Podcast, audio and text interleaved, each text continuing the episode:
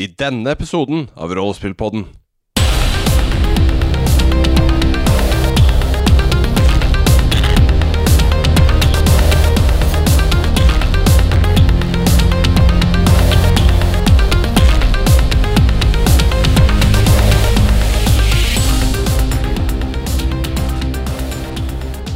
Ja, velkommen igjen. Da har vi debrief-episode her eh, av Destroyer of Worlds. Det er vår andre debrief-episode så eh, langt. Og eh, da skal vi gjøre et lite dypdykk inn i det eventyret. Det er ganske mye eh, spørsmål sikkert fra de som har vært spillere. Det er sikkert en del ting som ikke var så klart, som vi burde se litt nærmere på. Det er jo et ferdig eventyr gitt ut av Freeleak, så det er ikke skrevet av meg. Og det er Ja, det er ikke så mange sider. Det er 89 sider med informasjon, så det er ganske mye.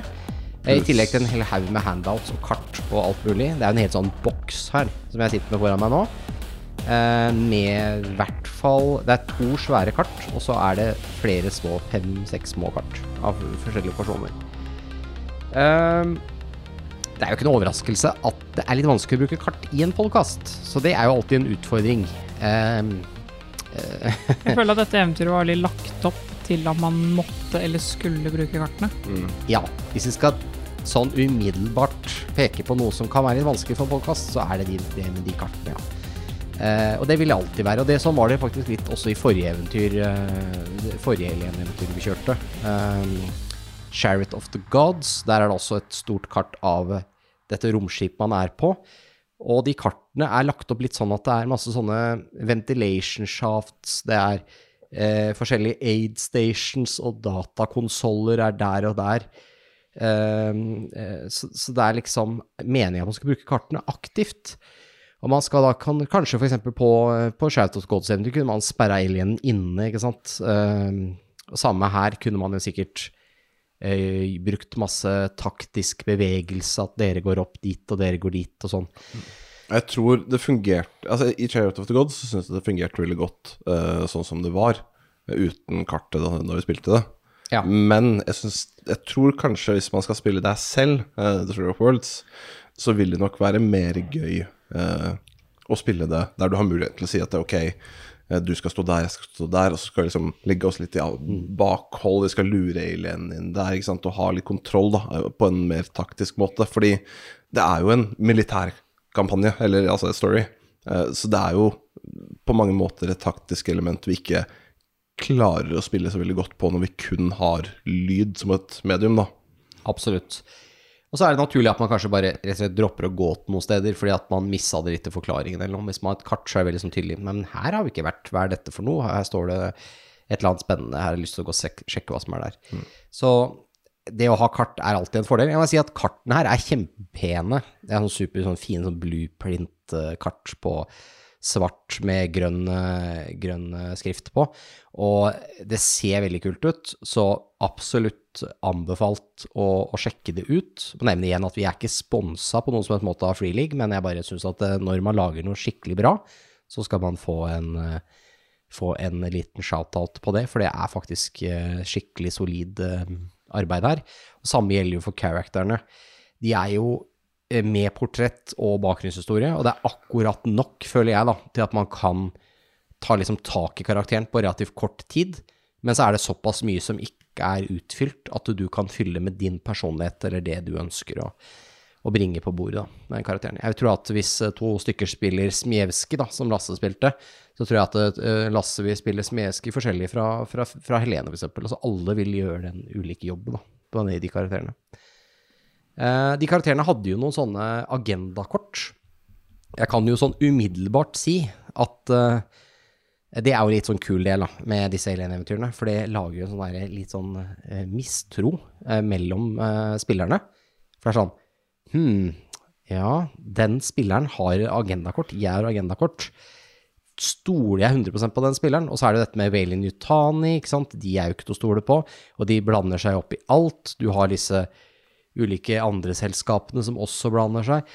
Så det lager jo den riktige stemninga, føler jeg, da, for Alien. Man sies at uh, Shout of Gods var det jo litt mer personlige agendaer som gikk litt mot hverandre. direkte, i hvert fall med to karakterer. Her er det faktisk litt andre veien. De agendakortene er litt mer din mer sånn personlig lille 'hva ønsker jeg', men de er ikke noe sånn direkte krasj med de andre karakterene. Og det gjør at agendakortene er der litt mer for å lage mistro mellom spillerne. Mm. Jeg tror det blir ekstra ille hvis man spiller Chair of the Gods først, og så går det over til lett. da Akkurat For da har du det fresh in memory at oi, det er ingen du kan stole på. Og så er det ikke egentlig så ille heller i Chair of the Gods. Jeg skal nesten tro at de har tenkt på det, at de har tatt det litt med i regninga. Jeg vet ikke, det er vanskelig å si, men det er, det er, altså de agendakortene er eh, Noen av de er bare rett og slett bare Ja, nei, jeg skal gjøre jobben min. Mm. Og så står det egentlig det på tre kort, bare på forskjellige måter. Eh, mens andre har litt mer sånn Ja, jeg lurer på hva som skjer med alienene inni meg, liksom. Men eh, Eller hva som, hva som skjer med den eh, maskinen som driver og tar over huet mitt uh, i Chaplains sitt tilfelle. Da. Skal vi mer tilbake til etterpå. Ja da, Men, for vi eh, har jo, som vi har jo spøkt med før, at Dante Altså, det er et vanskelig eventyr. Dante starter jo basically død hvis du ikke gjør det riktig. Ja, for hva var agendakortene til Dante? For det er jo litt interessant, uh, Helene, som spilte Dante. Ja. For du um, starta jo med en alien inni deg. Nå visste jo ikke du det fra starten av. Nei, for jeg tror ikke jeg fikk det alien-kortet før i fase to. to eller noe sånt, ja. Mm. Mm. Uh, the USCMC is the best of the best, so much better than those corporate commando wannabes. Be professional, you want to leave the corpse looking good, and this is your last time out. Det var derfor jeg var litt sånn Jeg følger kun ordre, uh, og prøvde liksom å gjøre som jeg fikk beskjed om, da. Ja. Og gjøre et godt inntrykk og sånn, og på slutten så ga jeg jo litt faen. Ja. Det var første agendakortene til Act 1. Mm. Eh, men i Act 2, når du fikk vite om eh, alienen Ja, for da fikk jeg et ekstra kort sammen med uh, act 2-kortet. Og på den så sto det acid reflux. Your back has been hurting bad for a few hours now. Now you start feeling pain in your ribcage as well. Stress level plus one. You taste bile and feel a burning and squeezing sensation in your chest, like a knot right behind your breastbone. Um, og så akt 2 agendakortet, så skjønte jeg ikke hva det sto, men det var ikke så farlig. Jeg tror Lars måtte forklare det til meg. For det står 'You're so short you can smell the grass', og det veit jeg ikke hva det betyr. Du er så nære døden Ja. Ja, at du kan lukte eh, gresset. Lukte grava, liksom. Lukte grava, rett og slett. Ja. Ja. Eh, og da står det 'So fuck the insurgents, fuck the UPP and fuck the corps'. Mm. But you're a marine through and through, and can't just desert your squad in their time of need. Mm. Så det er fuck alle, men eh, squaden må hjelpes. Ja. Ja. Mm. Og det er litt det samme som Silvio hadde. Det er liksom sånn, ok, det er eh, ditt ansvar å ta vare på til og med de deserterne, fordi de var jo en del av mye av det samme. Det er ingen av karakterene som er sånn fuck gruppa. Mm. Så det er det som jeg kan si med agendakortene. Det er ingen av dem som er mot. Men det siste, da, ja. siden vi er inne på det, på Dante. Ja, for da eh, ble jeg jo litt mer sånn uh, at ting begynte å bli ganske bad. Jeg begynte å bli litt stressa med den delen. Jeg trodde ikke at jeg kom til å overleve. Mm. Jeg trodde ikke at den uh, operasjonen kom til å fungere. Jeg tenkte at da var det GG, liksom, og at du kom til å si ja, nei, sorry, spill eh, en annen karakter. Mm. Uh, det jeg hadde, var get whatever the fuck is inside you out before it kills you. Mm. Så da var jeg veldig keen på å dra ned til den laben og, Mm. og sånn så Ja. fort som mulig. Så jeg var egentlig veldig glad for at jeg hadde Sylvio på laget mitt. Ja. Fordi jeg, jeg tror egentlig at eh, det var veldig lurt at jeg gjorde det, og at jeg ikke sa det til resten av gruppa, for jeg er sikker på at de hadde drept meg, for det hadde jeg gjort. Ja, nei, for uh, jeg kan også si det eneste som på en måte kanskje var litt mistenkelig Eller jeg kan si først om Dante. Det er at uh, Dante var jo da vært i sickbayen. Så du har jo akkurat kommet tilbake fra sickbayen når spillet starter, ikke sant? Så du har jo vært syk, du har Mm. vært uh, skada. Og i sickbayen så ble du facehugga. Så kom en facehugger og satte seg på deg. For de hadde jo ikke kontroll i denne laben i det hele tatt. Den har jo Der rømmer jo ting hele tida. Nei, altså, det, det har vært security breaches da, som har ført til at eh, aliens uh, stakk av. Og fikk jo da eh, tatt Dante, men også disse AWOL-ene, de som dere er etter. For eventyret her er jo rett Oppdraget deres er jo å fange noen marines som har desertert. Med bakgrunnshistorie om at de har desertert, eller skal desertere til UPP. Sannheten her er jo at de har jo blitt smitta, eller fått en alien inni seg, og skjønner at det er bad, for de har jobbet med dette sjøl. Så de har vært security her, og skjønner at ok, det her er dårlig deal. Så øh, da stikker de av for å hjelpe å få de ut, for de vet at det her ender ikke bra. De kommer til å være inkubasjonsegg for det her alienen, og så skal de forske videre på den, og de driter om de marinesene dør i prosessen. Fordi det er hensynsløse Whaley Newtani-forskningsprosjekter. Eh, så i act 1 så er jo den jakten på disse her, å prøve å finne clues og sånn, og det er jo litt sånn etterforskning. Dere er ute i byen, dette kjempebykartet, som er jævlig kult, eh, som vi nevner igjen. Det er bra kart. Dere fart- farter rundt der, forskjellige lokasjoner, og eh, og jakthundene er jo på, da, på den spaceporten og sånn. Ikke noe sånn egentlig spesielt sånn superhemmelige ting som skjer der, annet enn at eh, godeste eh, Chaplin får jo et sånn lite eh, anfall, og tar jo og knekker nakken på eh, en av de fugitivene. Right, tror jeg det var. Right. Rain. R- eh, right. Ja, Right. Hun ble tatt på flyplassen. Er hun sniperen på flyplassen oppi tårnet der. Eh, tar jo da, og Wright er faktisk en av de som ikke eh, Det vet jo ikke dere, da. Hun er en av de som ikke er effekta. Ja, fordi jeg skulle til å spørre hva skjer hvis hun ikke Da blir hun en kickass sniper som blir med dere. Ja. Hvis dere har lyst til å ha henne med, da. Faen, tar Chaplain igjen, altså. Helvete. Men hva var det han spiste da? Men var det Chaplain, eller var det Jail? Nei, det, som- nei, det var jail. Det som er at Chaplain starter, og det er det jeg kommer inn på nå, fordi Chaplain starter under delvis kontroll av en annen AI, som er kobla til hovedmainframen på Starfort Nebraska, og bruker den til å hacke Chaplin. Er da, har langt bedre teknologi, klarer da å hacke han, sånn at han har fått en agenda som han ikke klarer å ha helt kontroll over, så han faller inn og ut av kontroll.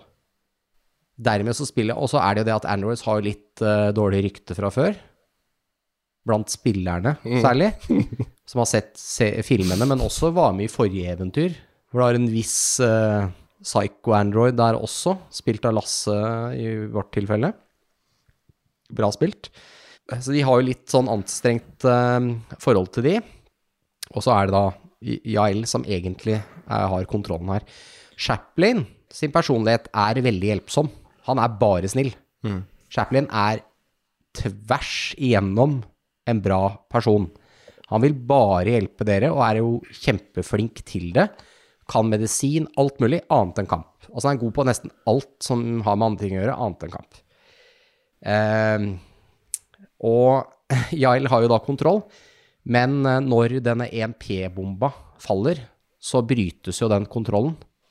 Det har jo allerede skutt eh, Chaplin i beina så han ikke virker lenger, og litt sånne ting, fordi at dere ikke stoler på han.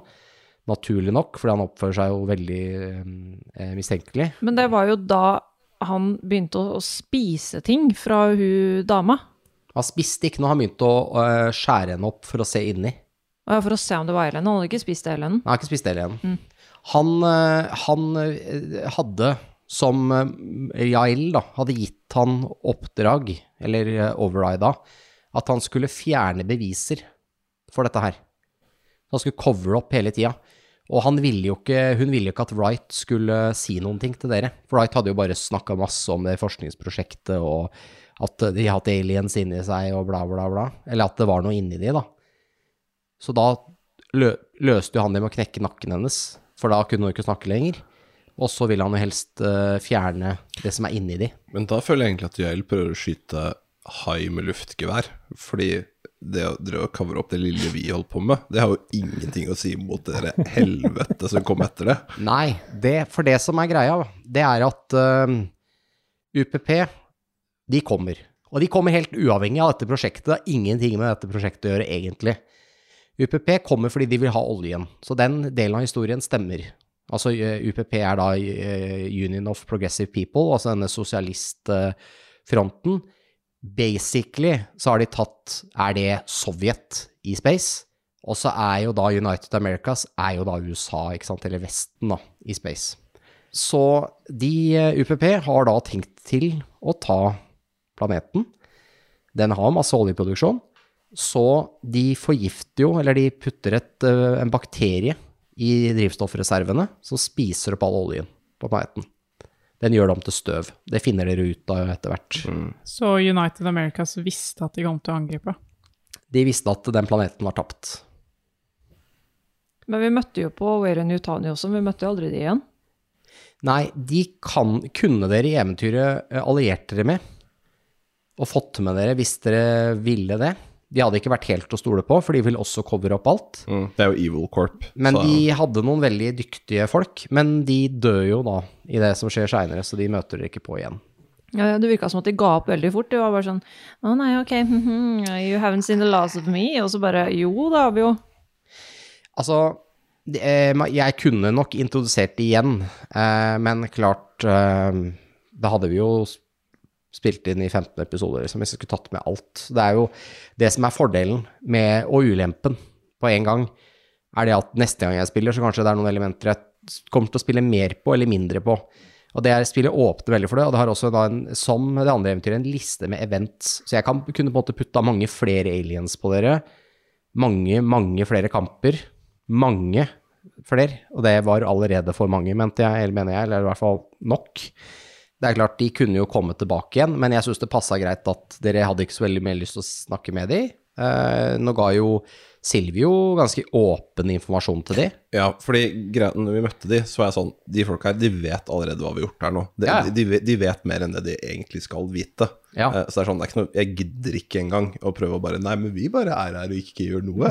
Ja. Fordi de visste jo åpenbart at uh, det her har det skjedd noe. De, Ja, ja.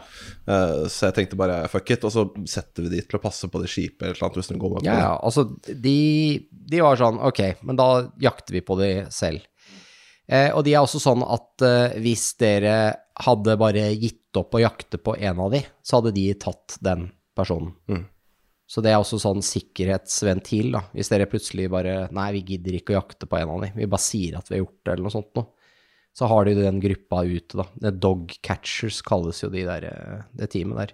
De er liksom spesialister på å fange aliens, da. Eller uh, folk som har aliens inni seg.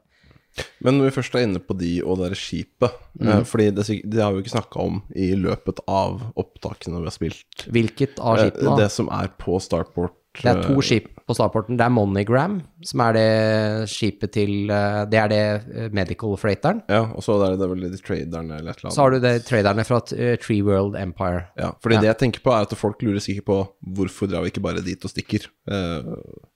Ja. Dere, det er jo ene er jo at dere, er, dere har jo et oppdrag. Dere er jo militære. Det er samme som å stille seg hvorfor tar ikke folk som er i krig, bare og drar hjem? For det er litt dumt å bli utsette seg for fare. Men Det blir har, litt samme der. Dere har jo en, en slags moral. Men den andre tingen er at uh, det Trivial Empire-skipet hadde de tatt en viktig komponent, så den kunne ikke ta av uh, for å hindre at den stakk. Og Monogram var jo da et, en medical freighter som tilhører Colonial Marine Corps. Så den måtte i så fall dere hijacka at gunpoint til piloten for å få den til å ta av. Og så ville den blitt skutt ned i space, da. Av fleeten som ligger over. For det var igjen en eh, liten styrke som passa på planeten. Angående det på Starporten her, så var det jo en uh, opptøya som utvikla seg Ja. til, til litt uh, ja, sinte omstendigheter. Ja, det blir jo skyting, dere dør jo noen sivile der.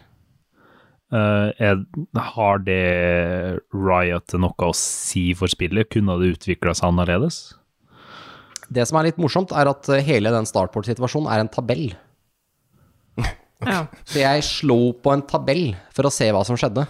Jeg slo høyeste kast da jeg kunne to ganger på rad, for du slår først én gang, og så eskalerer den, og så slo jeg en gang til, og da eskalerte den til bare full riot. Og det er for å se hva som skjer, da. Det er basically random events, da, på, i den uh, situasjonen. Da kunne det også kommet noen bort til dere og sagt ting, eller bare vært litt sånn generelt kranglete. Men den ble da til en full eh, riot isteden, da, med voldelig utgang. Men kunne den, den Rioten ha f.eks. stukket av med Monogram? Eh, nei, de hadde aldri noen sjanse til det. For Monogram hadde våpen, så den hadde til slutt bare lokka igjen skipet, og så hadde de ikke kommet inn i det. Ja. Eh, men jeg tenkte på, jo, i forhold til eh, det som da skjer da i Act 1, er jo sånn situasjonen rundt, er jo at den evakueringen, den fortsetter jo. Dere ser jo at heisen er aktiv. Og det er rett og slett at de driver fortsatt og evakuerer ut eh, det hemmelige forskningsmaterialet fra den laben, bruker de heisen til, og de evakuerer det ut. De skal ha det vekk fra planeten. Så hovedprioriteten er å redde forskningen.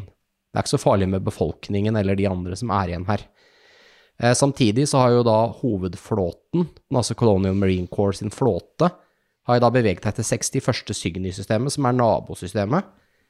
Dette er jo 60 Sygny, eh, og har beveget seg dit for å slåss. De skal jo ta, for den har jo blitt tatt over av UPP, de skal jo dra og ta den tilbake igjen. Så hovedflåten er der. Jeg kan jo si det før jeg glemmer det, at eh, alle de dør der. Den er ikke tatt, den har bare slutta å svare, fordi der har, eh, der har det samme som etter hvert skjer på denne planeten, allerede skjedd. Så alle blir drept. Så hele den attack forcen er støv. Hyggelig. Yes. Så det er derfor den planeten ikke svarer. De tror at det er UPP, og UPP tror at det er Colonial Marine Corps. Så derfor så blir det jo krig. Men egentlig så er det aliens. Egentlig så er det ingeniørene. Oh, ja. Disse som skap, har liksom skapt menneskene i alien-universet. Eh, Men det, de kommer vi tilbake til, for de dukker jo opp her også. Kanskje uvent, uten at dere egentlig la merke til det. Men eh, de har jo, Uh. har jo vært her. Var det de som droppa de bombene? De som droppa den bomba som gjorde alle til eh, sånn svart gu-bombe, ja. Som gjorde at alle Å ja, den tåka. Yes. Det er de som slapp den. De bare skulle utrydde alle menneskene. De har jo oppdrag å utrydde mennesker, for de mener at vi er en feilproduksjon. Ja, for jeg trodde det var UPP eller noe som hadde fått tak i det. Alle? Eller at uh, um, United Americas bare var sånn fuck it, dette har gått for langt, nå bare dreper vi alle som er her. Mm. Vi har tilgang til det her Det stoffet. er veldig Jeg trodde det var United Americas. Vi, vi, vi kommer tilbake til det. Vi, vi, vi tar det i rekkefølge, men ja, det er, eh, det er de. Um, jo, så Act 1 så er det det som foregår, så det er riktig at det er fortsatt evakuering som skjer.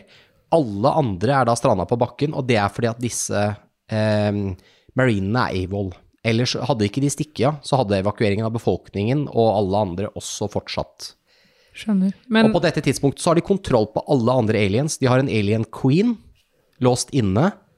De har eh, masse alien drones, altså sånne vanlige aliens. Det er alien eh, soldat-aliens, altså de større versjonene. Alle disse har de.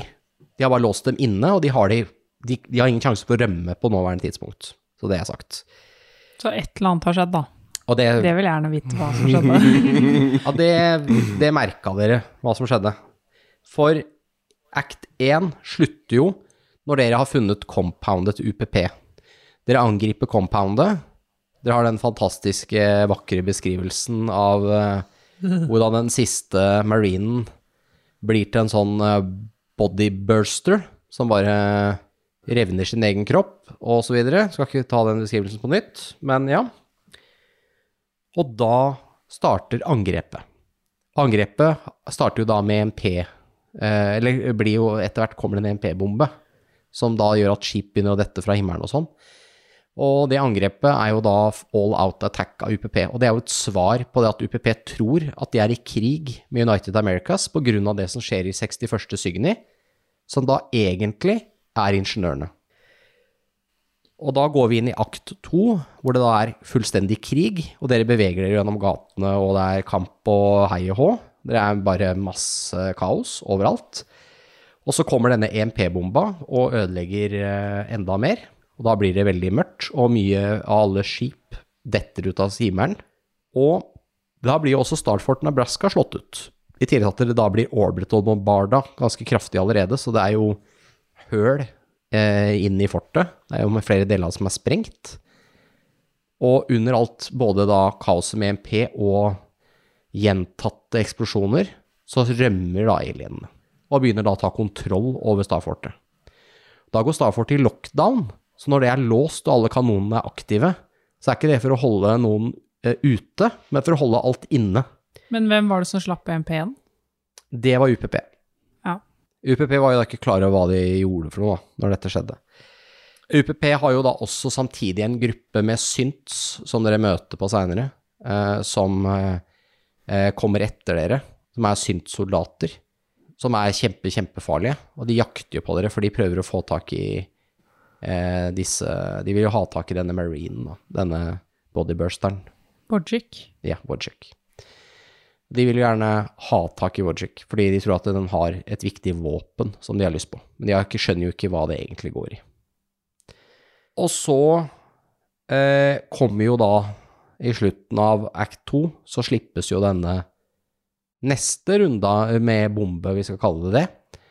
Og det er jo da dette svarte støvet eh, som legges i lufta. Og det er ingeniørene. Det er den samme man ser i Prometheus, tror jeg det het, den filmen heter. Mm, ja, Eller er det- ja det er vel, den slippes vel ikke ut før du er i Covenant, men I eh, Covenant tror jeg du ser den, ja. Ja. Det er i hvert fall Der bruker jo de det mot disse ingeniørene sjøl. De ses, ses jo i de filmene. Men det er som, ingeniørene er som store mennesker. Ser ut som store mennesker. Men er de da ikke mennesker. De er også synlige i den originale Alien-filmen. Det er den som da, denne skapningen som sitter i denne stolen, denne troneaktige stolen, og har en sånn maske over seg som ser ut som en sånn slags nabel, men det er egentlig da en pustemaske, en pilotmaske. Så ser du, er det en slags menneskeaktig under deg, men det går de aldri inn i i den filmen. Det mer som en mystisk skapning, da. Uh, disse her mystiske skapningene, de har da laget et, uh, et stoff som gjør at du, hvis du kommer i kontakt med det, så dør du. Får du bare litt grann på deg, en liten spore, så blir du Så dør du fortsatt? til et rabiat monster, som da gjerne smitta, vil du smitte de andre, og så til slutt så bare dør du også. Så at dette er på en måte for å få spredd dette mest mulig. Så de som er først kontakt, de bare dør. Og så er det da neste som da bare kommer i kontakt med dette på bakken eller lufta, de vil da smittes, og så videre. Så det er, det er en planet killer-greie. du slipper den ut på et sted, og så bare dreper den hele planeten i løpet av noen dager. Så er alle døde. Den var egentlig designa for Den var jo også eh, tenkt å bruke på jorda.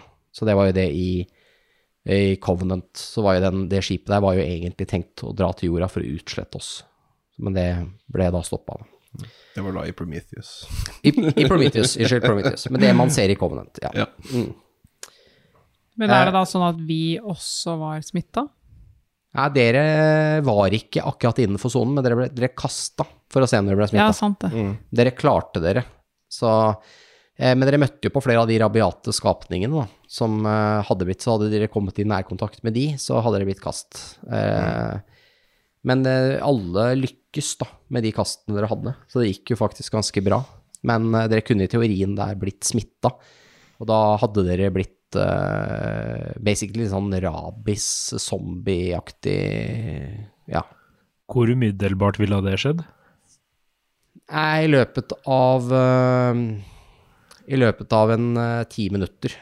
Oi, såpass fort, ja. Vi så jo han kiden. Ja. Som bare gikk rundt, ja. Ja. Men han, han ah, var jo også Stemmer. Han hadde ti minutter igjen å leve, basically. Ja, og det var, eh, den kiden var en av de greiene som var beskrevet, da. Når dette her skjer, så er det masse sånne groteske scener som man kan gå gjennom byen og se hvordan denne ødeleggelsen har skjedd.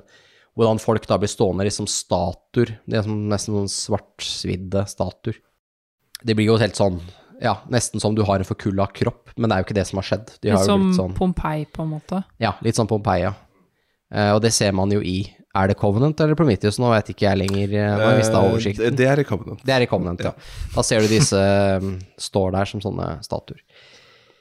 Og så har dere da Starfortet, som er en eh, greie i seg sjøl. Det har jo da igjen et jækla omfattende kart med mange etasjer og mange kompliserte veier inn, for der er det jo sprengt, og der funker det ikke, og der brenner det, og der Så det er liksom sånn Egentlig her så skulle jo spillerne på en måte bare fått kartet, og så bare sett Å ja, problem, problem, problem, og så bare Ja, her er det bare én vei inn, for den er som en labyrint, ikke sant? En vei inn, men jeg måtte jo hjelpe det litt på vei, da, i og med at vi er podkast, så da ble det liksom sånn Ok, dere må Mm. komme Ja. dere inn der. Men det er litt sånn, jeg er ikke så fan av kart i rollespill generelt, for da vil jeg heller bare spille miniatyrspill. På en måte. Jeg liker bedre den der ser karakteren min en vei inn. Mm. Fordi karakteren min er jo helt sikkert smartere enn meg, uansett. Ja, nei, nei, nei, altså jeg skjønner hva du mener, altså. Det er eh, eh, jeg Jo, spacer ut hele tiden, jeg klarer ikke å følge med likevel, så det er liksom samme. ja. Eh, Jeg kan også si at ja, Chaplin han har jo da fått kontroll tilbake, da. Eh, og Yael hun er jo da inne i Starfort Nebraska, men det er avslått. Og når dere er her inne, i tillegg til at det er kamp og farlig og alt det her, så finner dere også henne. Hun blir jo ekspedert. Jeg husker ikke hvem som skyter henne. jeg. Tror det er Silvio. Jeg tror det er Silvio. ja. meg eller Lasse, tror jeg. Ja. Ja, det var Silvio som skøyt uh, Jael. Eh, Min karakter eh, Jeg holdt på så sleit om jeg skulle skyte Chaplin eller Jael, så jeg nøla. Og så tok eh, Lars og skøyt Jael istedenfor. Ja, og det står jo her sånn der, eh, altså i beskrivelsen hennes, altså hun, hun eh, spiller eh, Mr. Hyde og Dr. Jackal med, med, med da Chaplin. Og hun er jo da lojal til Colonel Mayers, som dere ikke har møtt, men han er jo da sjefen for Starfort Nebraska. Han er jo lederen for alle, han er commanderen og øverstkommanderende for alle militære styrker på planeten og for Starfort, eh, eller for romstasjonen også. Og han er jo da kjøpt og betalt av Eli Yutani, så han er jo superkorrupt. Big Shocku. Ja. Fordi han er jo den som driver med Dette er jo egentlig en weapon testing facility, hvor de skal teste skytevåpen og sånt noe. Det har jo da blitt en mer sånn biologisk test facility for disse, disse tingene, og det er jo Mayer som eh, er med på det, men det er jo eh, Vel Nutani eller folk som er lojale til de, som på en måte utfører forskningen. Og han har jo veldig mye inkriminerende greier på seg, så han har basically på sin kropp en kill switch som bare dreper hele mainframen og fjerner alt forskningsmateriale og beviser. Og den har han festa til låret sitt. Så den, den står at han har den liksom hele tida på seg, sånn at han når som helst kan eh, fjerne alt, da. Men han eh, dør jo, han også. Så Men er det derfor eh, masse ting er fjerna fra mainframen når vi kommer dit? ja. Han har rukket å trykke på kill-switchen før han eh, Yes. kreperte. Yes. Men det, det går an å få tak i han i, i live. Det, det er i teorien mulig, da. Og her inne så er det jo, vil man jo gjerne ta denne space elevatoren ut, men den har da tilfeldigvis også blitt rede for Queen, og alle alien-dronene hennes har da flytta inn i denne her space elevatoren. Det er jo litt upraktisk, i og med at det er eneste vei av planeten. Eh, Her er det også en atomreaktor som man kan sette til detonasjon. Og det er en weapon storage som er veldig omfattende, hvor det er altså en kjempe-alien som dere møtte på. Eh, og alt det her er jo eh, i kjelleren under, og så skjønner man at man må få på strømmen, man må slå på generatoren, og det er masse ting som må fikses før den heisen kan kjøre. Jeg kan jo for så vidt også nevne, jeg slo bare til så på det, Who Done It, og det er jo også den Black goon, altså Black Death som de kaller det her. Eh, hvem som gjør det. Eh, eventyret lar det for så vidt være litt opp til GM-en. Det kan være Valen Yutani, det kan være UPP, det kan være ingeniørene som har gjort det. Men jeg syns i forhold til hele eventyret at det passer best med ingeniørene, så jeg har på en måte tatt denne versjonen. Ingeniørene har liksom fucket opp begge sider, og det er, fordi det har vært en kald krig veldig lenge. Så at den skal bli varm så fort, på en måte, så føler jeg at da er det sånn Det skjer, og så bare alle bare Oi, alle styrkene våre er borte. Ja, det må jo være de, og så blir det krig. Eh, bare tenk deg liksom Sovjet mot USA, liksom. Hvis det plutselig bare forsvinner et par aircraft carriers og noen ubåter og noen fly på begge sider, så hadde det blitt ganske fort varm krig der òg, skal jeg si det. Så de Så- ingeniørene er ikke noe som folk veit om i settinga? Nei, de er superhemmelige. superhemmelige. Så det er veldig sånn Og de har sånn stealth ships også. De dukker bare opp. Det er de skipene som ser ut som sånn hestesko. Ja, for det, det var noe jeg lurte litt på, fordi det man kanskje får litt inntrykk av i etter å ha sett Covenant, Ja, da, er ja. at alle ingeniørene er egentlig døde. Men det, det blir aldri Altså, de, de explicitly stater jo aldri det. De sier jo aldri det tydelig at alle de er døde.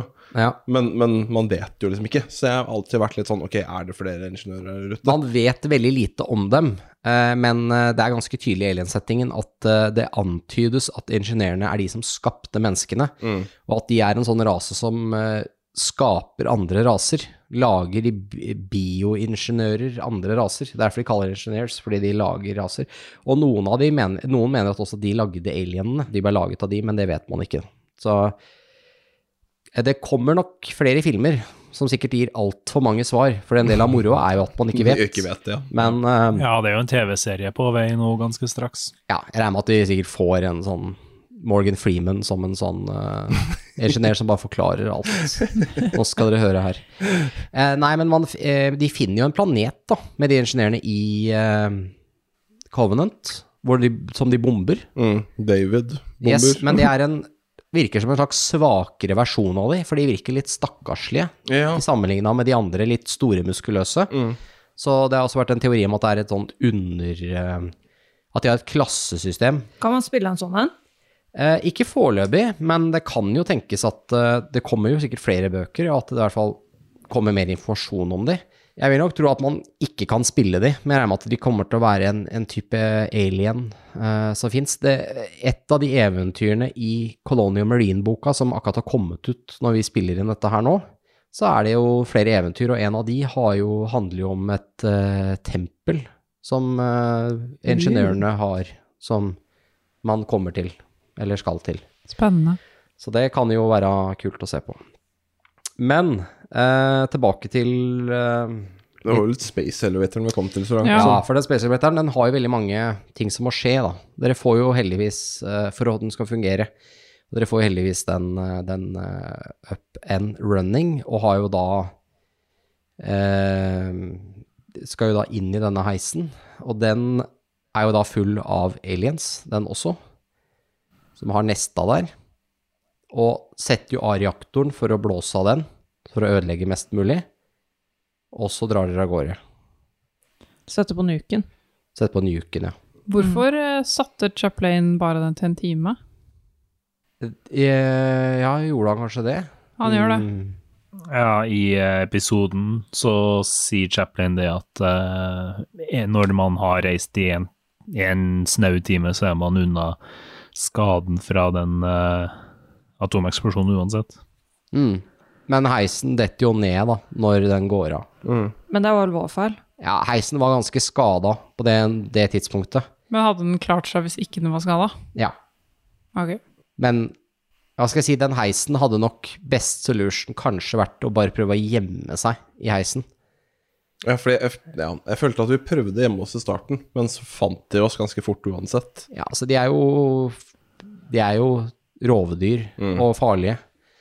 Så ja, det er jo er vans Den er vanskelig, altså. Også uten å ødelegge heisen også. Du har en queen der, liksom. Den er dritfarlig.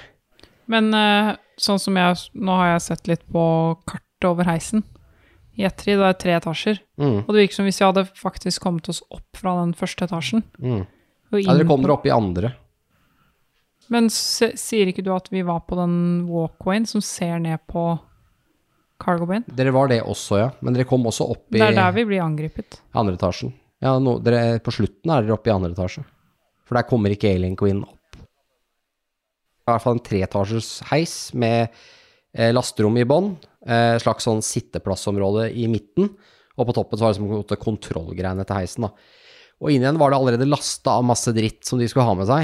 Eh, ting og tang som fra forskningsdelen.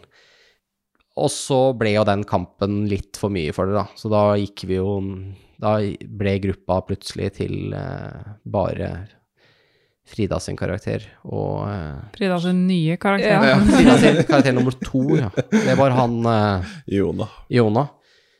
Han eh, som egentlig da var litt sånn eh, Han var ikke egentlig sånn veldig kampsoldat, så han ble plutselig bare trukket ut av sin kontortjeneste og fikk beskjed om å møte. Tenker ofte på den karakteren i Black Hawk Down, han som kan type, altså han som kan skrive, og liker å lage kaffe. Jeg tenker ofte på han, for han er jo også sånn som egentlig ikke er i kamp. Så det var når jeg spilte, når jeg spilte han før Frida overtok, så tenkte jeg på han. Det var det. Han drakk jo bare kaffe og ja.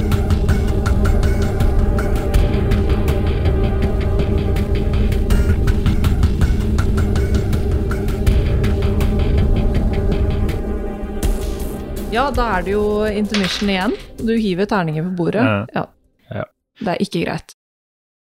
Vi, altså, vi trenger jo ikke å si at uh, folk kan nå oss på Facebook, Instagram, TikTok og mail på rppodden.no slash rppodden på alle disse plassene, fordi det vet de jo, så det trenger vi jo ikke å si. Ja, og de vet også at det er posta til rppodden.no. Ja, jeg tror kanskje vi dropper å si det da, for det, det, det vet de jo. Ikke sant? Så det vi heller kan si, Hmm. Hva er det vi skal gjøre neste, neste gang det blir episode? Ja, altså? Nå er vi jo debrief, så vi sitter og hører på Niklas som uh, forteller om alt som har skjedd. Ja. Og, og det neste blir jo da dere rollespillsystemet Hva heter det? Uh, Ja, jeg vet ikke. Jeg- Drag... Dun Dragons, Dungeons and Dragons. Dungeons Dungeons Dragons. Dragons. ja. Ja, ja. Det, jeg har hørt det er ganske populært, og at folk syns det er veldig kult. Så tenkte jeg å teste det ut, da, og, og se om det er noe folk kommer til å like. Det blir gøy, men i den anledning så har vel eh, du gjort klar noe? noe? Ja, vi skal ha giveaway. Oh. Så egentlig eh, så må folk bare følge med på sosiale medier når den giveawayen kommer ut. For jeg kommer ikke til å spoile hva det er for noe nå, men vi har eh, fått tak i noen kule premier, og jeg tror det kan bli veldig bra. På Patrion så Ja. kan jo folk bli med og støtte oss. Tingen er at hvis du har lyst til å støtte oss ekstra, så kan du gjøre det på Patreon, og da får du også litt ekstra content som en takk for det, da. På patreon.com slash rppodden, faktisk. Jeg syns det er veldig gøy at folk er veldig aktive i discorden nå. Etter at vi åpna den for alle sammen. Og at det er veldig mange folk som har hoppa inn dit, tatt med seg pizza og begynt å skrive. Det liker jeg. Det er veldig godt når det er pizzaparty der, faktisk. Enig, enig. Men hva var det du skulle si, Lasse? Jeg vil egentlig bare si at uh, folk kan gå tilbake til å høre alle hemmelighetene rundt History of Worlds. Ja, det er jeg helt enig i. Dere får kose dere masse videre i episoden, så ses vi i Dungeons and Dragons.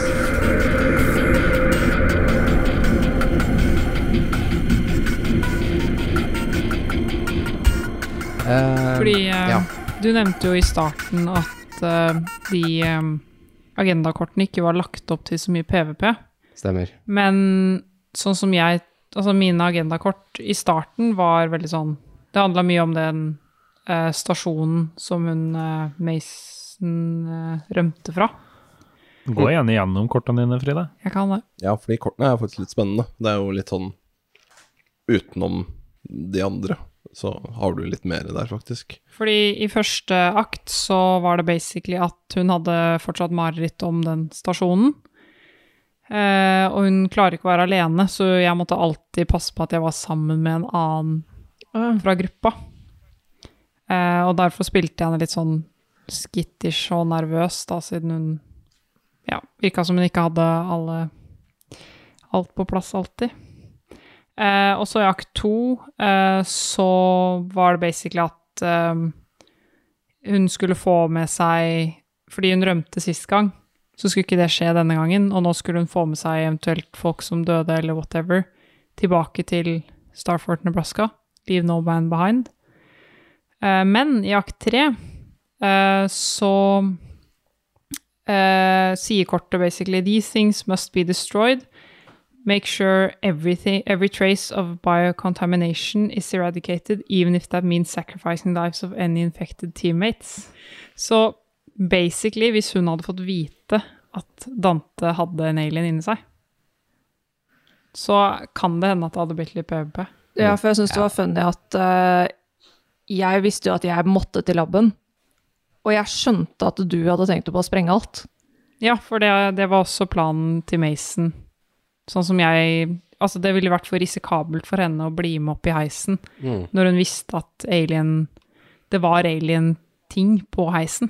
Funny at du endte i heisen, da. Ja, så hadde ikke hun eh, vært ute for telling, så eh, Det, de hadde jeg nok prøvd å finne en måte å sprenge hele alt, alt på før vi fikk dratt. ja, For det irriterte meg mye uh, at vi ikke klarte å redde Mason. For jeg prøvde veldig hardt uh, å holde alle karakterene i live. Det var liksom Mye av det som var viktig for Silvio, var liksom The Marines. Eh, og det er også litt derfor det gikk som det gikk. Fordi da vi kom til det stadiet uh, da Silvio tar og sprenger seg selv, så selv om det var folk i live fortsatt, så så Silvio på situasjonen og tenkte at uh, uansett nå så er, er det mission failure for min egen del, liksom. Det er bare sånn ok, kan vi drepe den store, stygge tingen? Og så er det det. Mm. Så er det good enough. Men ja Det var en vanskelig balansegang, følte jeg, å prøve å holde alle i live.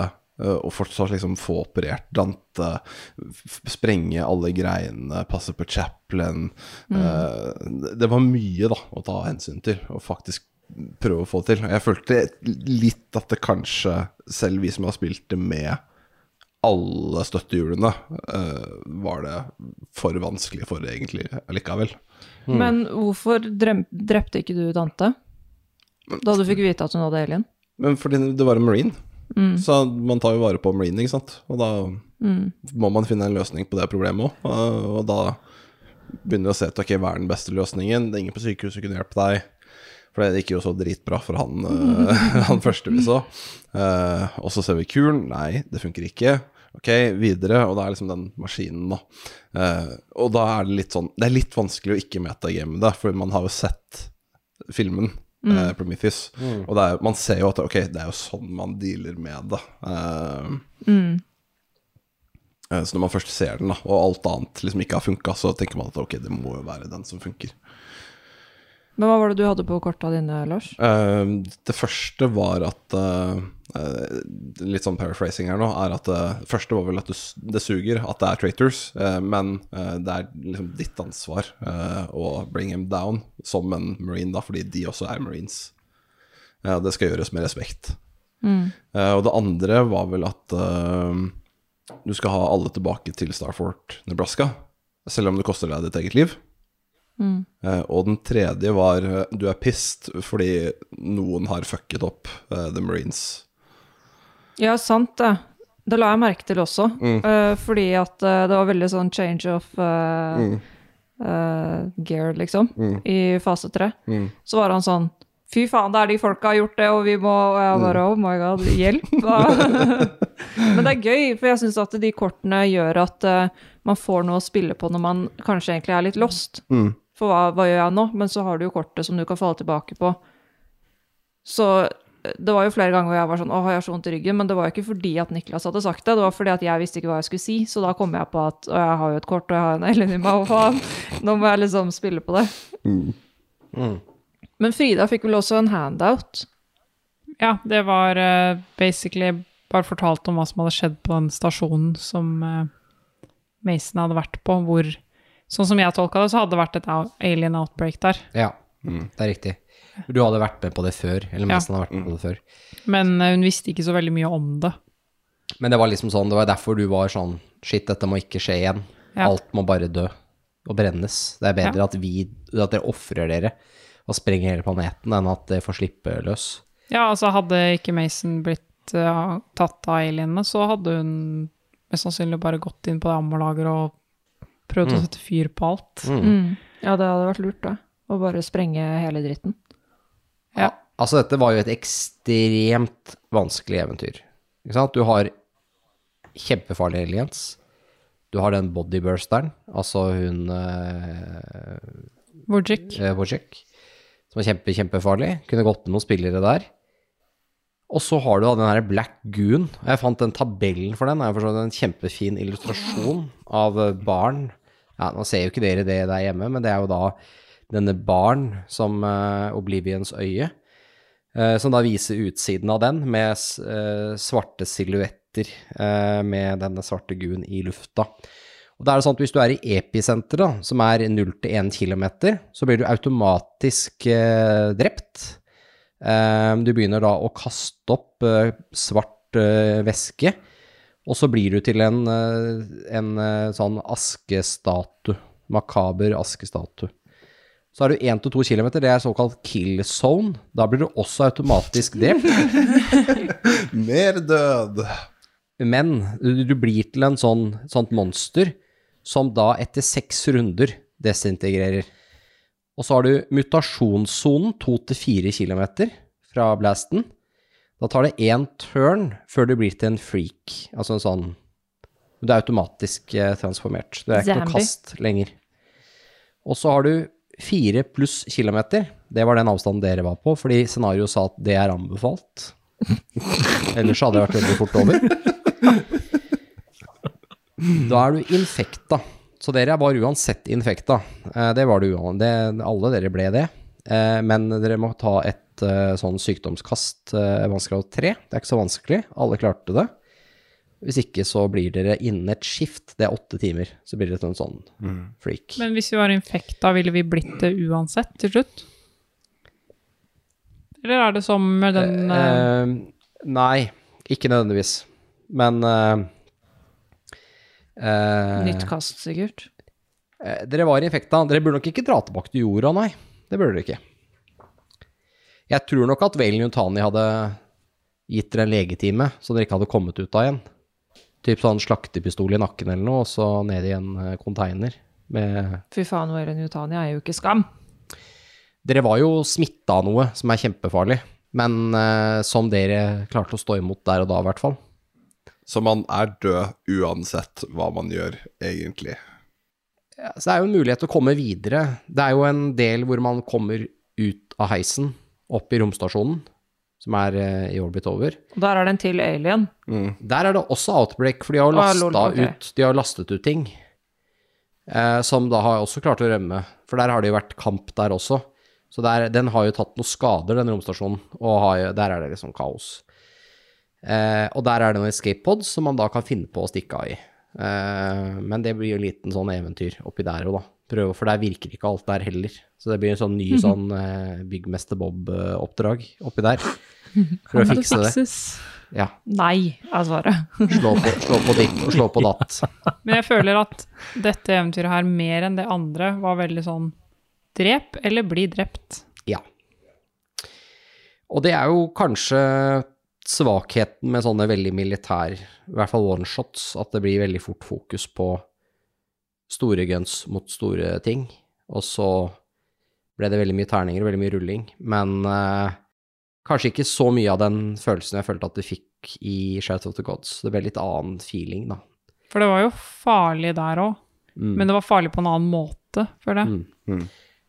jeg likte eventyret. Jeg kommer til å spille det igjen. Jeg har kanskje mer tro på en mer sånn militærtaktisk approach. og Prøve å dyrke den følelsen mer. Bruke kartene, og la spillerne bare legge en plan og være tactical og, og gjøre de greiene der.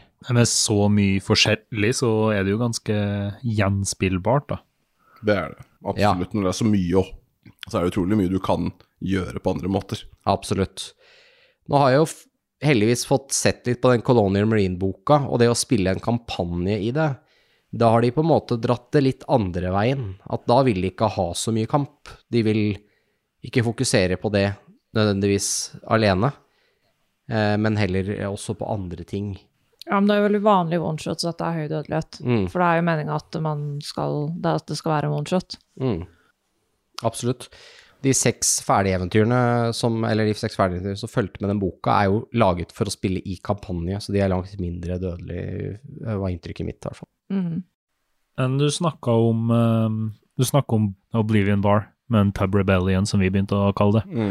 Eh, For hun eh, Android-eieren der møtte vi jo igjen seinere. fantes det noen muligheter for oss at vi kunne møte hun, samarbeide med hun på andre måter også? Jeg, dere fikk egentlig samarbeide med henne så langt det lot seg gjøre. Hun var, egen, hun var støtte Hun støttet eh, United Americas. Hun var, hadde deres sympati, da. Eh, hun sympatiserte med de. Eh, så hun hjalp dere, men hun hadde ikke lyst på problemet med UPP, for hun skjønte at eh, i morgen så kan det hende at det var de som var eh, kundene hennes. Ja, fordi jeg fikk litt sånn humanitær følelse fra henne. Ja. Hun var bare snill, så hun var ikke noe, det var ingenting gærent med, med en sånn person. Hun, hun hadde bare lyst til at, eh, at det skulle gå bra med eh, flest mulig, og så gjorde det jo ikke det, da. Og det er jo kanskje utfordringa med å spille Utfordringa og fordelen med å spille Android, da, er at du har en programmering, men uh, hun var jo fullstendig immun mot en black goon. Mm. Så fram til atombomba sprengte, så gikk hun jo antakeligvis rundt aleine. Alle var døde. Bare hun og Chaplain. Chaplain var jo oppe i heisen, da, og ble sprengt, Ja, men også. hvis vi hadde bare daua. Altså, hadde det ikke vært en atomeksplosjon, så kunne jo hun i teorien levd i tusen år til, og bare gått rundt der og Mm. Stakkar. Så ja, det er jo Androids er jo det som er litt rart, eller Fordelen med de er at de er jo ofte immune mot alle de der tingene som er problematisk, da. Sykdommer og sånt som ofte er veldig vanskelig å deale med i alien-spillet. Og Sånn, De er jo egentlig immune mot alt som har med aliens å gjøre, bortsett Ja. fra fysisk skade fra de. Ja, og aliens pleier å ignorere de, hvis ikke de ser det som en trussel. Men var det samme da alien bare gikk forbi meg? Fordi jeg hadde alien Ja, det glemte vi å si. Men Dante, fordi at du hadde alien inni deg, så har, hadde alien eh, De angrep deg ikke. Fordi de trodde jeg var en alien. Mm. De, Jeg var baby. de Nei, du var alien, mamma. vel, Jeg liksom. var alien. De likte deg. Elf. Så hvis, uh, hvis du hadde begynt å skade dem, så hadde de, så langt det lar seg gjøre, prøvd å pasifisere deg, så hadde de tatt deg med til hiven, og så hadde de festa deg i sånn eh, resin, altså basically sånn slim, som de bare Det sånn kvae-aktig greie som du blir sittende fast i, i veggen, og så hadde de bare latt deg føde alien. Ja, så, mye bedre at jeg bare skjøt meg i stedet. ja, ja. Du ble, hadde jo fått ut alien på det tidspunktet, da. Men mye bedre likevel. Du hadde ingen alien i brystet, og så blåste du av deg hodet. Mm. Ja. Det var litt uh, sånn slitsom dag på jobben. Mm, du hadde vel ti i stress eller noe? Ja, så ja, ja, det bare klikka helt. Men apropos død og sånt, så tar jo Hammer en eh, ganske spesiell manøver. Ja, den er litt eh, frisk. manøver. Den er litt frisk. Det er jo da i det våpenlageret. Eh, når den der hylla holder på å velte og alt det der. han må begynne å knife den alien. Ja, eh, for Hammer hadde, en, eh, hadde et eh, kort med at han ønska å eh, Altså, han, en av hans motivasjoner var å eh, være i hand-to-hand combat med en alien. For å vise at han var best. Det er en så sykt dårlig idé. Hammer var jo da en eh, klone. Det fins også nemlig i denne verden her. For dette er jo sort of samme univers som Blade Runner, som jeg har snakket om tidligere. Så det her fins det mye ting som man ikke har gått helt inn på ennå. Men han er en sånn combat clone, så de er laget i Altså, det står på kortet hans, så står det vel syntetisk eh, womb, altså Mm. Ja. Har blitt syntetisk fremstilt. Og han eh, De har en tendens til å bli litt småpsyko, da. Eh, fordi de har jo ingen eh, De får liksom ikke den oppdragelsen som et vanlig baby får. Ikke noe kontakt med liksom moren sin, og har det der tingene som mange sikkert mener er viktig, og som jeg tror er viktig, jeg også. Uh, nemlig at man liksom har den der nærkontakten med moren sin når man er liten, ligger på brystet, hører på hjerteslagene og alt der. Man er bare syntetisk, du ligger i en boks da og venter på, og får, får du næring i tube, og så når du er gammel nok, så får du combat-opplæring, hvordan knekke nakken på folk og sånt noe. Det er liksom ikke det man brider de beste, eller ja, de mest humane skapningene. Så de har en tendens til å være ganske psycho, og han er en av de. Eh, Det virker som de er ganske sjeldne, etter hva jeg forsto. Men eh, Og han er jo da, går jo på drug, combat drugs og er jo rimelig ødelagt i huet. Og dette fører jo da til denne psykotiske episoden. Alle kortene hans er bare at han er best, og dere er skikkelig sucky. Hele resten av gruppa er Han liker ikke resten, men dere er marines, så det går greit. Men uh, han mener at han er best, da, hele tiden. Han gikk ned først, og så get fucked. Ja, det var jo for han var fullst- han var fullstendig gal. Så, altså pure psychopath, liksom. Mm. Angående sånn uh, combat sin, så møter vi jo, som du nevnte litt tidligere, så møter vi jo uh, UPP sine combat sins med en rød Berret, mens vi kjører sammen med den Ridgeway-stridsvogna. Helt, uh, helt riktig. Dere møtte på en sånn eh, Eller en team med kom med sitt, så han ene hadde rød beret, det er riktig. Han er da i UPP Space Operating Forces Squad. Eh, han er squad-leader der. Er han Han er 117 år gammel. Ser ut som han er 42. Han ser sånn ut. Da har alle som hører på podkasten, fått med seg hvordan han ser ut. Ja, Så da De har hørt hvordan han ser ut. mm. Eh, Han har da vært aktiv for eh, over, over 100 år, eh, og har vært lærer, construction worker, prison guard, personlig assistent, og så ble han da repurposed som en krigsmaskin. For UPP har, tar jo, det jo, disse syntene er jo egentlig laget for andre ting, men så har de da tatt de og omprogrammert dem. Og han er jo da eh, Han vet da om prosjekt Life Force, som er dette prosjektet til uh, Wayne Nutani. Og han vil jo ha samples av dette, og det er jo de som uh, jakter på Woshek, da, når dere stikker fra uh, UPP-compoundet. Hadde vi kunnet alliert oss med de, eller er de bare Ja, et, hostile? etter de er hostile fram til den Black Goon går ned. Da kan det, man prate med de, og så bli enige om et eller annet. For da vil de også komme seg vekk. Alle skipene går ned også, så da kan man få med seg, og da er det syv combat synts, så det hadde jo vært ganske nyttig å ha. Mm, det hadde vært litt kjekt. Nei, det er jo kanskje like greit vi ikke fikk med alle dere combat-syntene til UPP, fordi vi hadde jo en del karakterer å forholde oss til, og det sleit jo Lars flere ganger med. Det vi klippet egentlig ganske greit ut, men flere ganger du, Lars, eh, sleit litt med navnene på alle, for vi hadde jo sju stykker i vår gruppe, og når Ridgeway Tanker kom, så fikk vi jo tre til. Vi var jo oppe i ti karakterer. Yes, det var potensialet for å være 17 uh, med de uh, UPP-folka. Det er klart, de hadde jo vært mer Det hadde vært Dawich, og så hadde det vært De andre bare gjør som han sier. Så han hadde vært facen deres, og dere hadde ikke prata noe med de andre.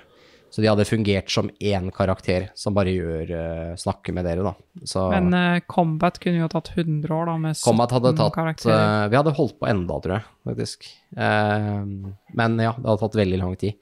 Og så har du ikke nok kort heller, så da måtte på en måte bare Men jeg hadde nok kjørt de som en gruppe, så de hadde nok gjort ting samla, med veldig mye firepower. Og så har du jo da også Waylon Yutani-folka, så du kan potensielt sett ha fem stykker til oppå der. Så har du mulighet til å være Right. Ja, så har du mulighet til å være eh, 23 karakterer, da. Ja, det er mange karakterer å holde styr på det eventyret her. Ja.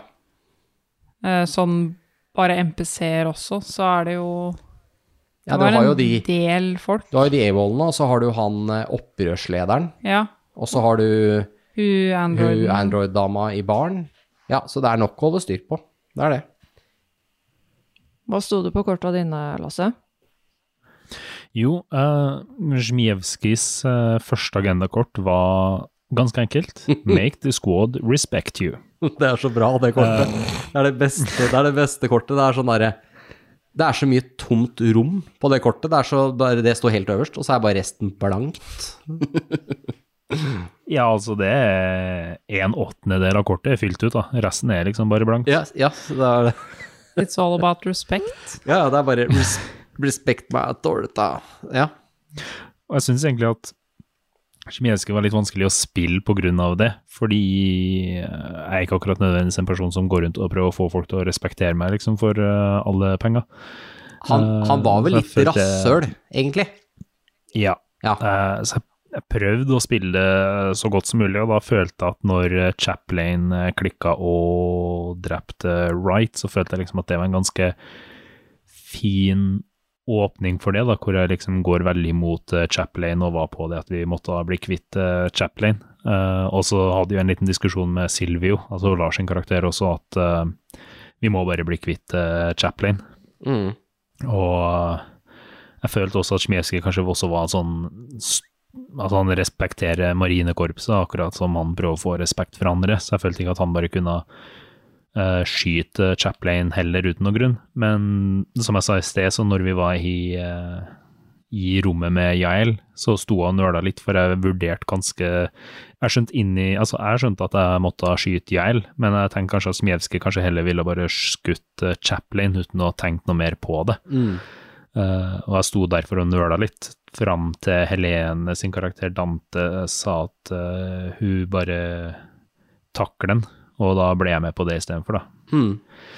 Eh, men uh, Sjmijevskijs uh, akt to-kort, det er jo fortsatt på respekt, da. The UPP doesn't respect you.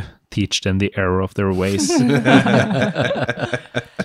Ja, og det er jo da alle kampene begynner, så det er jo passer jo bra da. Det er bare Ja, og da må jeg jo takke til Niklas da at eh, jeg fikk muligheten til å komme bak uh, Wojcik og skyter hun, og på siste, siste som blir sagt i episoden er 'Respect the Colonial Marine Corps'. Ja, Jeg følte det var veldig passende, da. ja det, var, det var det, altså. Det var det. Jeg er veldig enig.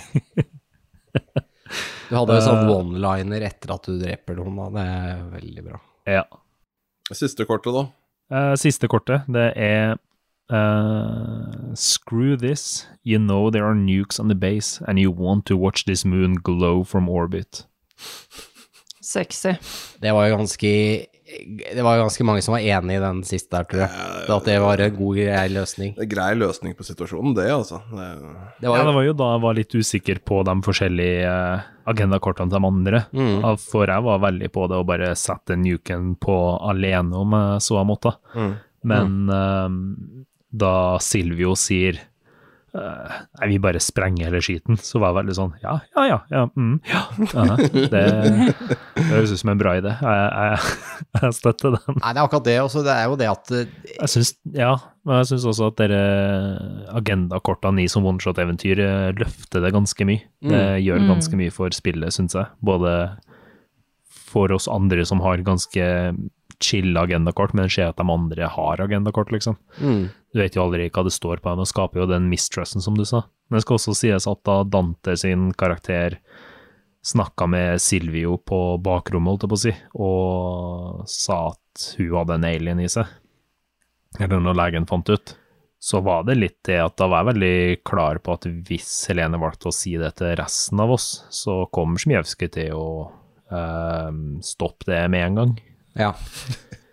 vi har gått det- en ganske fin linje der, med andre ord. Ja, du hadde hatt Mason på laget òg, for å si det sånn. Ja, Ja, men det skjønte jeg også. det står ingen sted at Sjmevskij er snill og kul. Nei, han nei. ønsker respekt, liksom. Og hvis det er sånn å, hun er alien, skyt hun, og så bare Ja, ser du, nå drepte jeg en alien. Ja, for, ja, for det som er sånn med Dante sin karakter, er at du, ok, du starter fucked, da. Du starter med en alien. Du starter i en veldig dårlig situasjon. Men til spillerens uvisshet, og dermed litt vanskelig å spille på, så vil jo ingen aliens targete deg, den spilleren. Og mest sannsynligvis prøve å beskytte deg også. Så det er jo sånn eh, Det er en fordel òg. Det gjør at Dante kan være en spiller som er med til slutten. Hvis det kommer Ja. uh, fordi at det nettopp ikke har blitt angrepet av aliens. Og det var ganske mange alien encounters. Så man kunne jo faktisk uh, Hadde jeg kjørt alle, så kunne jeg at uh, gruppa hadde blitt høvla ned litt eh, tidligere, da. Men eh, Ja, men eh, grunnen til at jeg egentlig sa det til karakteren til Lars, var litt for å få det ut i spill. mm, Så at ikke jeg sitter med hemmeligheten aleine og veit at jeg har den hemmeligheten, Ja. og så er det ingen som får vite det. Lytterne får ikke vite det, de andre spillerne får ikke vite det. Og så Mm. plutselig så blir jeg en alien. Ja. Så surprise, motherfucker! ja og, det, Og og så er det litt enklere å ha en til på laget om å prøve å løse det òg. Mm. Jeg tror kanskje det eneste andre du kunne ha sagt noe til, var vel egentlig Chaplin. Etter Ja. at han ble seg selv. Men ja, etter at han ble seg selv. Hadde du sagt det før, så hadde han prøvd å fjerne bevisene. Ja. Mm. Det vil si knekke nakken din og ta ut alienen. Mm. Men etter at han har blitt seg selv, så kunne du sagt det til han, og han ville jo prøvd å hjelpe deg. Ja. Chaplin er med mest medisinsk kunnskap, så han kunne nok hjulpet uh, Dante kanskje til og med uten autodokken, hvis han hadde kasta bra. Mm. Uh, men autodokken trenger jo ikke å kaste, så den bare får de til. Så det er det som er fordelen med den. ja. Så nei, men uh, det, var et, det var et vanskelig eventyr, dette her. Og eh, også vanskelig å lede, kan jeg si, fra, fra min side. Fordi den boka her, altså den er ganske omfattende, og det er mye informasjon. Så selv om jeg har lest den to-tre ganger, og så blir det som at du Du må bla mye, da. Att og fram og dit, og så Ja. Men eh, de har lagt opp så bra de kan. Jeg tror Jeg plutselig satt og tenkte på det. Kunne de lagt opp dette på en bedre måte? Nå snakker jeg litt til de som hører på, som kanskje også har lyst til å kjøre et eventyr for noen. Så tror jeg dessverre ikke det. Ikke med så mye informasjon. Det skal også sies i eh, klippinga, så Destroyer of Worlds blir jo ni episoder, men det er jo mer enn det som vi har spilt inn. For Mm. det er veldig mye regelsnakking og Niklas som slår opp uh, forskjellige locations for å beskrive dem og sånt, og det er jo klippa ned og sterilisert. Ja da, For altså, det er litt kjedelig å høre på at ingen snakker fordi Niklas blar i en bok. Ja. altså sånn Så- mengde tid vi har kutta vekk, er vel godt over et par episoder. Med, som bare sånn, det er ikke noe tap at det er kutta vekk, fordi det er bare et filler der det er stille, eller vi ser på regler, eller et eller annet. Eller tog. Ja. Men, men- men det er liksom tre timer med ting som bare måtte fjernes. ja. Jeg, jeg måtte bare nevne tog, fordi det går Gjøviksbanen Gjøviksbanen går forbi her. Gjøviksekspressen. Det er ikke. Gjøviksekspressen. Det kan hende at det finnes en Gjøviksekspress som går her òg, men det er ikke den fra det berømte Gjøviksekspress-rollespillet. Så er det alltid sånn at når vi spiller inn, så går det litt ekstra tog. Ja, så Frida, du er jo vant til dette her, så jeg tror at du Du har sånn Stockholm-syndrom. Du merker det ikke lenger. Du er, du er, du er på lag med Vy. Mens vi Ikke som se- var Ikke se på agendakortet mitt. Nei, fy faen! Nei da, men det, det går litt tog forbi her, så det er sånn som alltid må klippe ut. Men det er vi vant til, da, i alle episodene som vi har spilt inn her hos Frida. Så er vi vant til at det kommer tog, og da sier vi tog, og så nynner vi litt på kanskje Thomas-toget. Thomas-toget-sangen. Det ligger klipp ut på sosiale medier hvis man vil høre det. Ja. Det, det gjør det også. Skal, for vi kunne jo holdt på med dette eventyret i sikkert åtte episoder til. Du kunne latt oss komme opp heisen, liksom, og fortsatt opp i det romstasjonen, og alt var kaos der, Ja. og fiksa den igjen, og Ja, så ja, kanskje ja, ja. stukket av et romskip, og så nei, da var det aliens der, og ikke Mm. sant, og så videre, og så videre, og så videre. Men det er litt Til slutt så møter vi Cham midt i space, og Ja. Jeg håper fortsatt han dukker opp på et tidspunkt, altså. Ja, Han uh, har en egen, uh, han har en egen spin-off-serie. men Det skjer når vi spiller DOD, da. Ja. Kan også si til de som lytter på, at vi tar også imot spørsmål på sosiale medier. Skriv gjerne til oss på Facebook eller på Discord-kanalen vår, eller hva det måtte være, eller en e-post for den saks skyld. Så tar vi imot spørsmål der, og hvis noen lurer på noe om dette eventyret eller andre eventyr, eller hvordan vi gjør ting, eller hva det måtte være. For uh, det er bare gøy å, ja, å svare, svare på det. Og ja, Interacte. med- ikke sant? Det er gøy. Det er morsomt at folk blir engasjert. ja, også i discorden så vil det være veldig lett å bare svare på spørsmål. Ikke sant? Mm. Så ja. Men jeg tror ikke jeg har noe Ja, bare bli med i discorden. Mm. Jeg tror ikke jeg har noe mer om episoden, da. Eller, ja, The Strawbirds. Men jeg, igjen, oppsummerende, sier at eh, det var et bra eventyr. Vi, ja, vi har vært litt kritiske med kart og ting og tang. Det er åpenbare ting som eh, vil fungere for folk som har lyst til å prøve det her hjemme. Det er jeg helt sikker på. Og det er et bra eventyr. Og jeg har hatt det gøy. Jeg tror dere har hatt det gøy. Selv om karakterene deres endte, endte døde. Men hvis vi skal se det på den lyse siden, så døde jo også alt av aliens. Ok. Det er jo ikke en eneste alien-partikkel som kom seg av den eh, planeten. Alt døde jo. det er en win, da. Så for menneskeheten, for de uvitende menneskene, sånn som oss da, som sitter her på jorda, så er de da fortsatt helt trygge, Enn så lenge. enn så lenge. Det går bra. Ikke takket være velutdannet. Fy Det går bra, bra. Takk en Evil Corp. Colonial Marine Corps! Crying is a free action. Right, selvfølgelig. Så det er uh... Tog. tog.